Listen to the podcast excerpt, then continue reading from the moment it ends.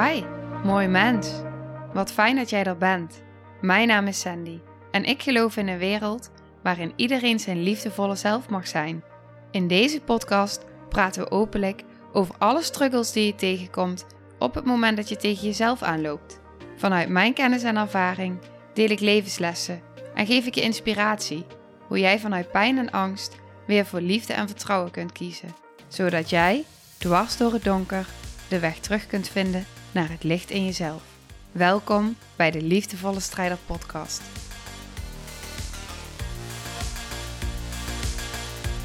Hey, hallo.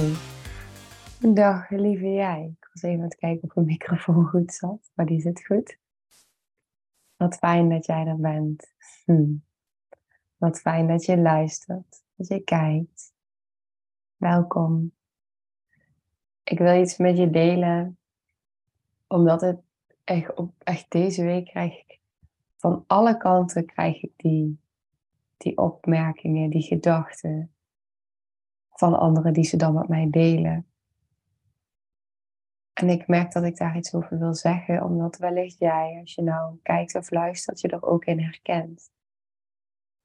Ik in ieder geval wel, want wat ik zo vaak terughoor, is ik heb al zoveel geprobeerd. En ik ben het vertrouwen kwijt. Ik ben het vertrouwen kwijt in hulpverleners. Ik ben het vertrouwen kwijt in mijn lichaam. Ik ben het vertrouwen kwijt in allerlei soorten behandelingen en technieken. En ik geloof er niet meer in dat er iets is wat voor mij werkt. En die snap ik. Die snap ik.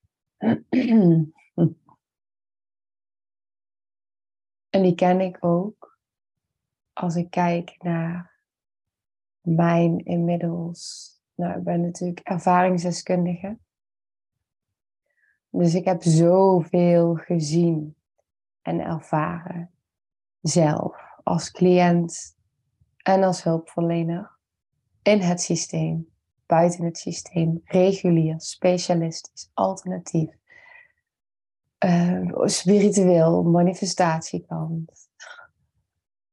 Ik heb zoveel gezien inmiddels in de afgelopen 19 jaar. Sinds ik in hulpverleningsland binnenkwam.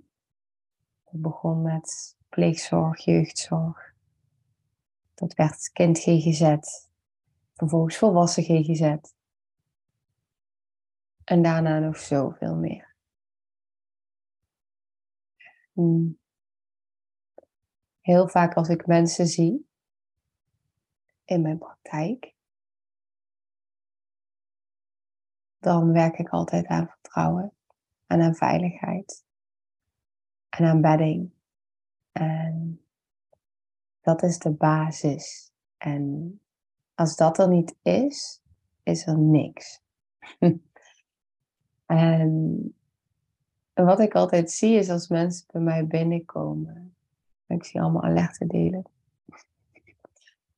Nou, ik, ik, kijk nu in de camera met hele grote ogen. En nu doe ik het een beetje overdreven. Ehm, maar je voelt mensen scannen. Ik, ik, zal, ik voel mensen scannen. Ik zie mensen scannen, want ik ken het. En het is zo logisch ook. Omdat hoe vaak is inderdaad wel niet er een teleurstelling geweest? Is er, is het vertrouwen gebroken? Is het anders gelopen dan je had verwacht? En werd er een hulpverlener weer ziek? Zag diegene je niet? Hoorde diegene je niet?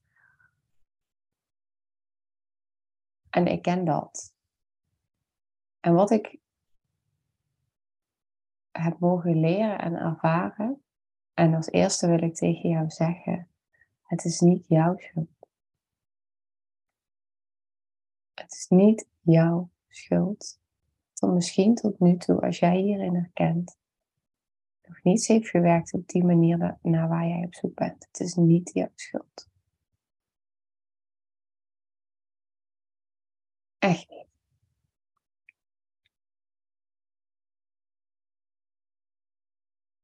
Ik heb heel erg ervaren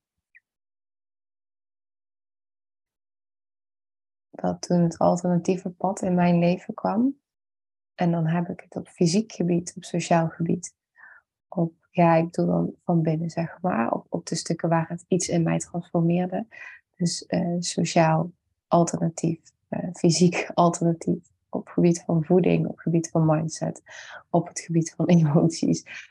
Uh, alles. Niet aangeboren hersenletsel. Afvallen, gewichtstoornis. Mijn innerlijke strijd trauma's. De full package. Alles veranderen. En ik ben daar nog specifieker in geworden. Want daar waar ik in eerste instantie dacht dat sommige dingen goed voor me waren, nu verder in mijn proces, sta ik daar weer anders in. En weet ik nu pas echt wat goed voor me is. En ik gun jou dat ook. En dat maakt dat ik deze aflevering opneem, omdat ik voel, ik had gisteren een telefonisch gesprek met iemand die ging over het retreat in Spanje. En, uh, zoals het er nu uitziet, bijna zeker nieuwe deelnemer. En ik deelde met haar het programma. En zij vroeg van, uh, want ik, ik deelde, ik heb in iedere dag in het programma heb ik een soort van rode draad. Daar, dat, dat is belangrijk. Dus dag één gaat heel erg over schermdelen, eren, veilig voelen, bedding. Dat is dag één. En dan dag twee gaat heel erg over je innerlijke kindsdelen. Echt, echt de meest kwetsbare delen, de babydelen, de hele jonge delen. Dag drie gaat heel erg over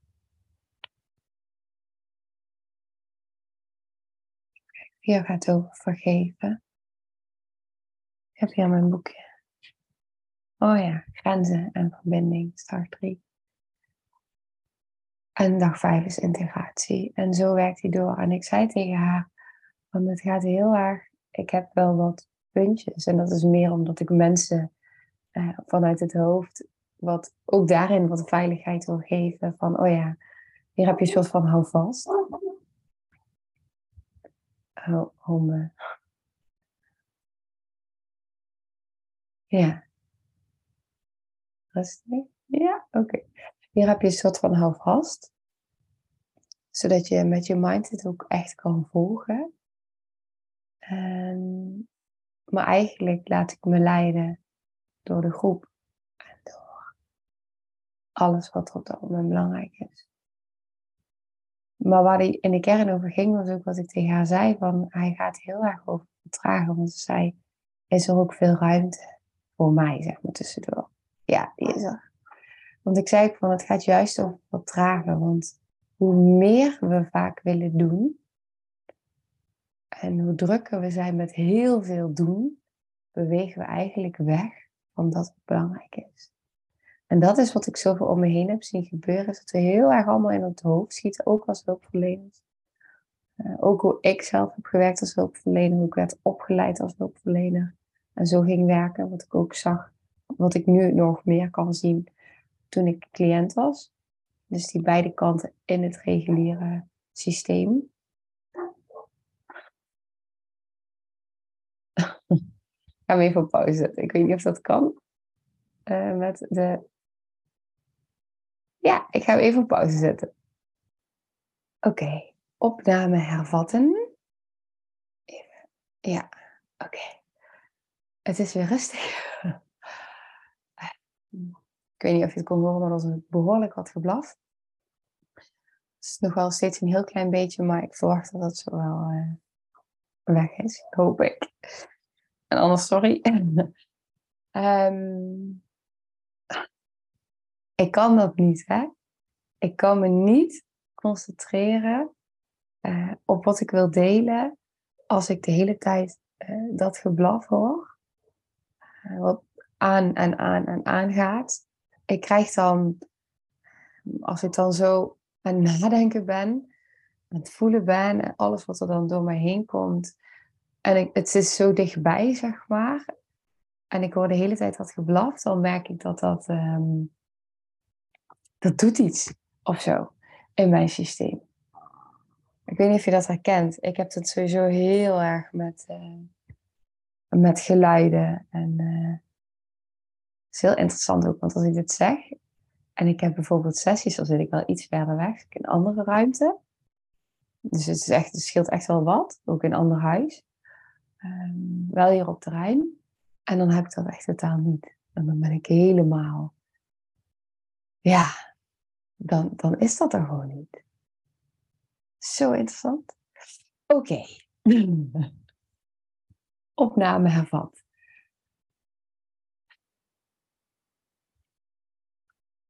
Het gaat zo over die vertraging die heel veel in ons heel spannend vindt. En wat zij op een gegeven moment ook zei aan de telefoon, was, ik was een tijdje terug, was zij ergens. Ook een of andere retreatdag of zo. Weekend. En ze zei, het ging maar door. Het een na het andere, het een na het andere, de hele tijd door. En dat is natuurlijk echt heel tof voor de mind, want je gaat heel hard door.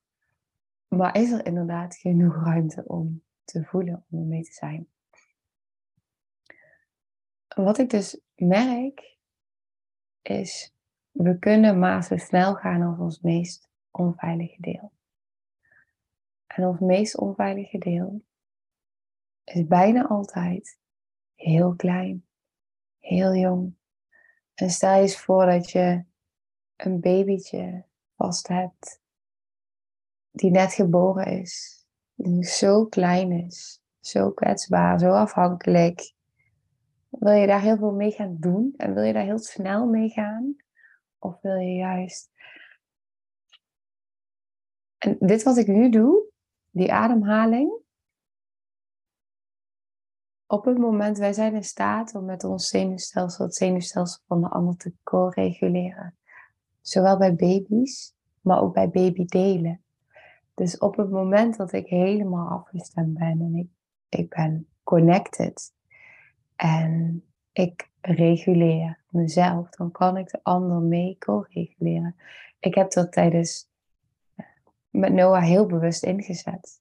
Van, oh wow, als ik mijn eigen zenuwstelsel kalmeer, dan kalmeer ik hem automatisch mee. Als ik in paniek raak, doet dat ook iets in zijn systeem.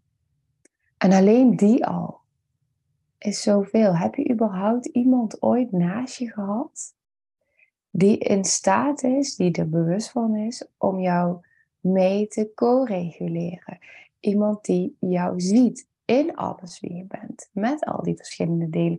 Die niet over die delen praat, maar die met die delen praat. Die niet over het gevoel praat, maar met het gevoel praat. Die met het gevoel is. Die weet je, ik heb op een gegeven moment een oefening gedaan, die was zo verhelderend. Als jij naast iemand zit die zich onveilig voelt, hoe kun jij dan jezelf veilig genoeg voelen om je eigen onveiligheid aan te kijken. Hoe kan dat? Dat gaat niet. Dus als jij een psycholoog naast je hebt zitten, die haar eigen onveiligheid nog niet durft te omarmen, haar eigen onmacht, haar eigen kwetsbare stukken, hoe kan jij dan jouw eigen veiligheid en jouw kwetsbare stukken omarmen. Hoe dan? En dat is wat ik zo heb mogen leren bij de traumaopleiding. En uh, ook in alle opstellingen die ik heb gezien. Is ik had op een gegeven moment zat ik eh, als, uh, als cliënt um, in een opstelling tijdens de lesdagen, of een oefensessie. En naast mij zat een therapeut die in de rol ging. Die ook gewoon ja, uh, net als ik, mens is. ik wou zeggen student, dat klopt ook niet helemaal. Maar um, die naast mij zat en ook ging oefenen op dat moment. Dat ging beter.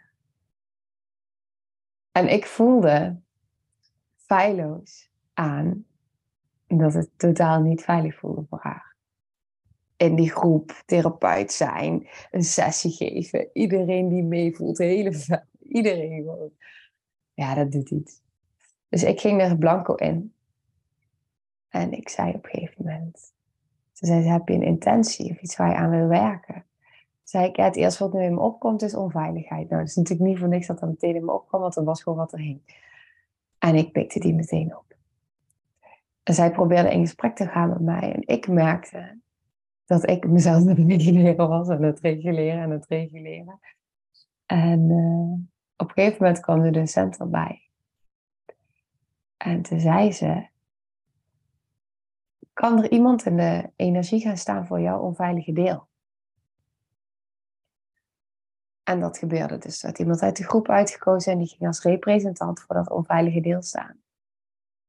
En toen veranderde er al iets. En toen ging er iemand representant staan voor mijn onveilige deel. Het is allemaal innerlijke wereld. Meest onveilige deel.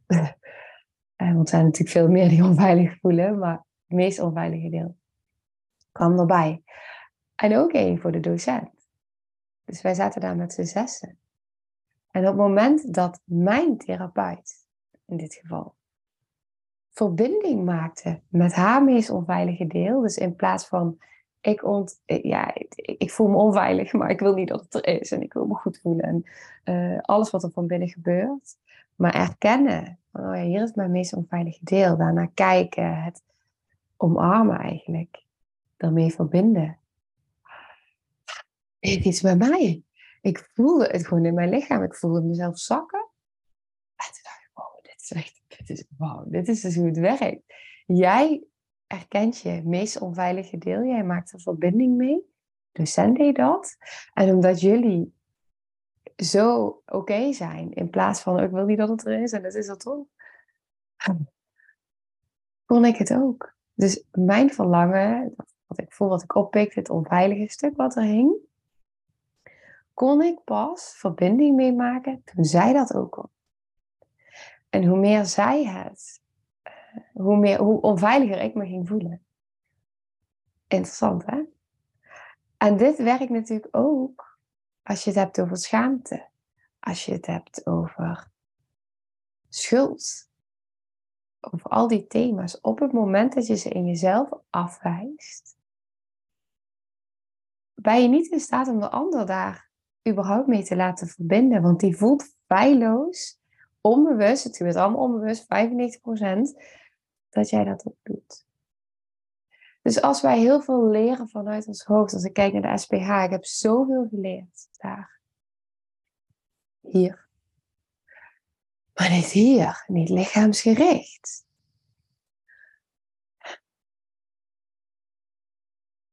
En dat is het grote verschil geweest. En wat ik wat nog een groot verschil is geweest, is dat ik, zonder dat ik het door heb,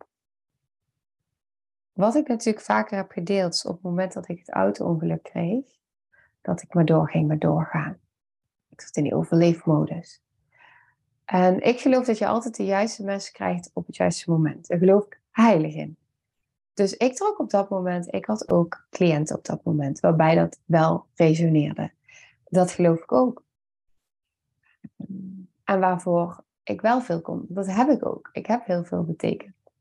Alleen wat ik nu besef, en wat ik de afgelopen jaren besef, is dat ik mijn bestaansrecht ontleden aan het veel betekenen voor. En op het moment dat ik veel betekende voor de ander, betekende ik iets. En die manier zat ik erin. En dan zit je er eigenlijk in vanuit een ongezonde hechting en een binding en vanuit een reddersrol. En die besef ik nu de afgelopen jaren heel sterk. Oh ja, wauw. Interessant. Want op het moment dat ik als reddersrol in zit en dat ik mijn werk doe vanuit daar alleen ik bestaansrecht aan, wat gebeurt er dan in de dynamiek? En als je deze luistert, kijk maar eens of je dit herkent. In alle hulpverleners die je ooit hebt gezien, therapeuten, coaches. Kijk maar eens of je dit herkent. Dat op het moment dat jij in gesprek bent, dat je bij die ander bent, dan heb je het gevoel ergens dat jij aan een bepaalde verwachting moet voldoen. En dat gebeurt vaak ook onbewust. En misschien ook als je dit luistert als therapeut of coach of healer. Wat gebeurt er op het moment dat je merkt dat je de ander niet op de manier kan helpen die je graag had gewild voor de ander of had bedacht? Wat gebeurt er dan van binnen? Want dit is heel veel wat er in de dynamiek tussen uh, cliënt en hulpverlener, therapeut, wat er vaak gebeurt. Jij als cliënt wil heel graag uh, geholpen worden, maar wil ook heel graag voldoen. Uh, denkt altijd dat je zelf schuld bent, dat, dat het aan jou ligt. En als therapeut wil heel graag helpen.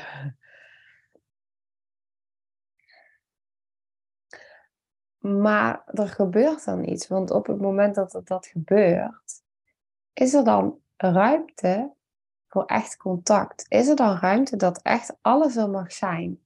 Of ben je allebei bang? Want wat nou als die cliënt iets zegt of doet, wat jou het gevoel geeft dat je faalt? En vertaal deze ook door in hoe die voor jou werkt. Maar je voelt dat ook als cliënt. Dus je voelt ook als cliënt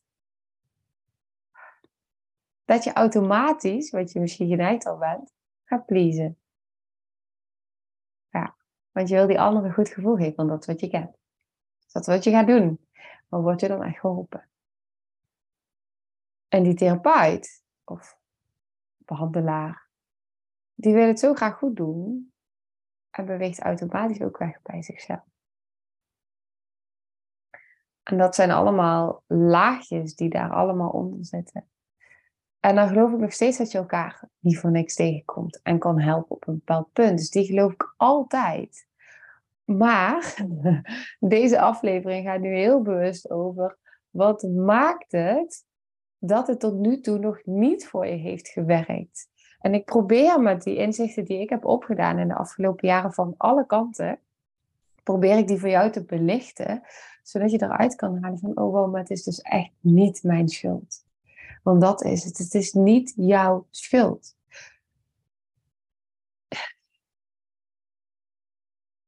Vaak zie je dat op het moment dat hoe wanhopiger je bent en hoe meer de ander je wil helpen, hoe meer er gedaan wordt. Bijna paniek, zeg maar. Van, oh god, oh, oh, je wil uit het leven stappen. Oh, je wil jezelf pijn gaan doen. Oh, maar ik wil je zo graag helpen, want ik gun dit niet. Vanuit liefde, hè? Ik gun dit niet voor je. En ik wil zo graag iets anders voor je. En jij denkt, oh, maar ik wil gered worden. Ik heb hulp nodig en ik weet het niet meer. En help alsjeblieft, want ik voel me zo overweldigd en alleen en in paniek. En ik oh, kan het niet meer overzien. Help. En die ander die denkt, ja, maar ik wil je wel helpen. Oké, wat gaan we allemaal doen? Plannen, signaleringsplannen, protocol. Ik weet het helemaal niet. En eigenlijk doet dat ook iets op het moment dat de ander voelt dat hij je dus niet kan redden. Van die wanhoop, van die onmacht, van het, die drang om uit het leven te stappen. Dat doet iets in de onmacht van de ander. En daar gebeurt heel veel in de dynamiek. Heel veel op die lagen. Dat raakt ongelooflijk veel. Want die ander kan voelen, ik krijg nou wel iets in mij kent die ook. Die ander kan voelen op het moment dat hij werkt met iemand die eruit wil stappen. Die het niet meer ziet zitten, die zichzelf pijn doet, die heel destructief is. Die kan zo diep die wanhoop voelen. En die kan zelfs zo diep teruggaan dat het de wanhoop is die die hulpverlener als kind zo heeft gevoeld, als baby zo heeft gevoeld. En zo graag eigen ouders had willen redden. In welke vorm dan ook de pijn die de ouder had, misschien de onmacht die die bij de ouder voelde, misschien zelfs van binnenuit in de baarmoeder. Zo graag willen redden, zo graag willen helpen. En dat niet kunnen, omdat je nog zo klein bent. Omdat je nog zo klein bent.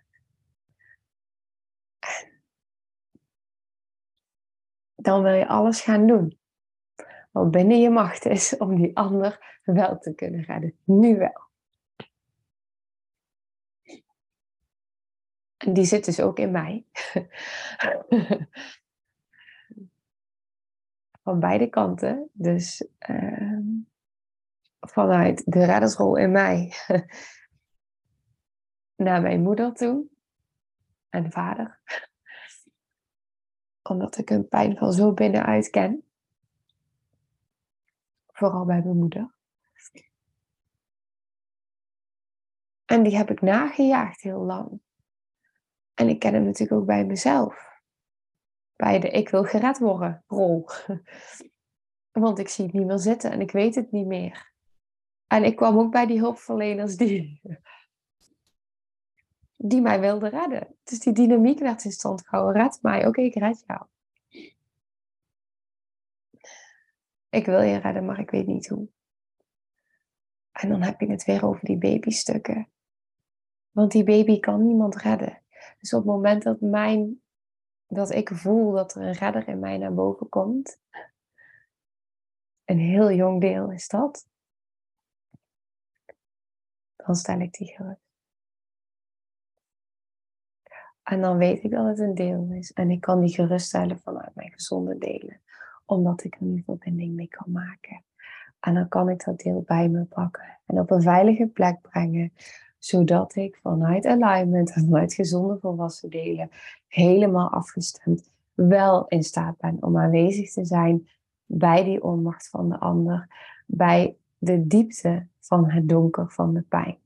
In alles wat er is. Zonder dat ik voel dat ik diegene hoef te redden of hoef te fixen. Want dat hoef ik niet, dat kan ik ook helemaal niet. En als ik verbinding maak met die kwetsbare delen van mij, die zo nog in pijn zitten en zo die onmacht herkennen, en als ik daarmee kan verbinden, terwijl er iemand naast mij zit of terwijl ik iemand spreek die datzelfde gevoel ervaart op een ander stuk, ontstaat er verbinding want ik verbind met die stukken van mezelf. En daarin kan ik die stukken van de ander ontmoeten. Vanuit mijn gezonde delen. In verbinding met. En niet geleid door mijn jonge delen. Maar in verbinding met die delen. En daarom ontmoet ik de ander. En dan praten de delen met elkaar.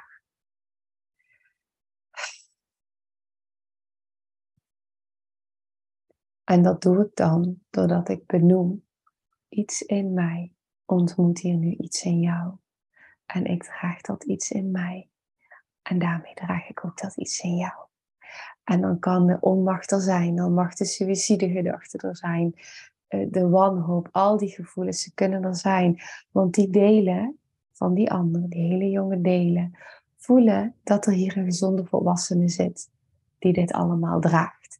En die niet gaat redden of heel veel gaat doen of ook in paniek schiet. Omdat ik dan word overgenomen door dat hele kleine ding. En die gaat over verbinden. Dus ik hoop dat ik je mee kon nemen in hoe dit proces werkt en hoe dit op diepe lagen werkt. Want dit gaat altijd over energie. En het kunnen vertragen, het kunnen voelen bij jezelf is essentieel om dat te kunnen doen in het contact met de ander. Want anders nemen ze je over. En dat is ook in die reddersrol. En ik hoop dat je deze echt met je mee kan nemen. Het is niet jouw schuld als het tot nu toe nog niet gelukt is. Het is niet jouw schuld. En er is dus hoop. Want die wil ik ook meegeven. Er is dus echt hoop. En ook als je voelt van jeetje, ik heb zoveel mensen geprobeerd te vertrouwen. Ik vertrouwde niemand meer. Niemand. En vooral geen volwassenen. Niemand. Want iedereen liet mij alleen met mijn pijn en met mijn gevoel. En niemand zag mij daarin. En bij niemand kon ik mezelf echt uitspreken. En bij niemand kon het er echt zijn. Want niemand was in staat om met mijn pijn te zijn. Niemand was in staat om dat uit te houden. Want er kwam altijd alleen maar gekwetste kindjes. Dat had ik niet bewust door, maar dat voelde ik wel. En we zijn zo gekwetst allemaal. Het is echt zo. Ja. En we doen zo hard ons best allemaal. Iedereen die ik nu heb benoemd. Uh, als je je herkent vanuit de rol als hulpverlener of vanuit de rol als cliënt. Wat ik zelf ook zo ken. We doen allemaal zo ons best. Het is echt zo. Ik zie hoe hard je je best doet. Ik zie hoe hard je werkt. Vanuit beide rollen. Ik zie het echt en ik herken het ook. Ook dat zijn weer die kleine delen die zo hard werken om het zo goed te willen doen.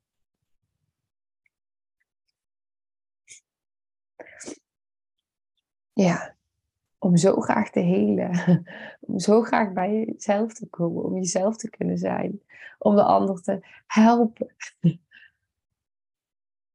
Ja, we kunnen de ander pas helpen als we onszelf kunnen helpen. Daar begint hij echt. Oké, ik ga even kijken hoe laat. Oh jee, oh, oké, dit gaat goed. Ik moet even kijken hoe laat maar ik ga afronden. Ik heb vandaag een uh, live dag die ik ga geven. Een hele diepe, uh, diepe innerlijke reis. Medicijnreis die ik ga faciliteren. Dus um, wat een hele bijzondere dag. Ik heb alles al in de praktijkruimte klaar. Altaartje, alles ready, drummetjes goed opgespannen. En um, als je het hebt over alle delen welkom, vandaag wordt zo'n dag. Alle delen welkom. Ja, dus ik ga mezelf afstemmen.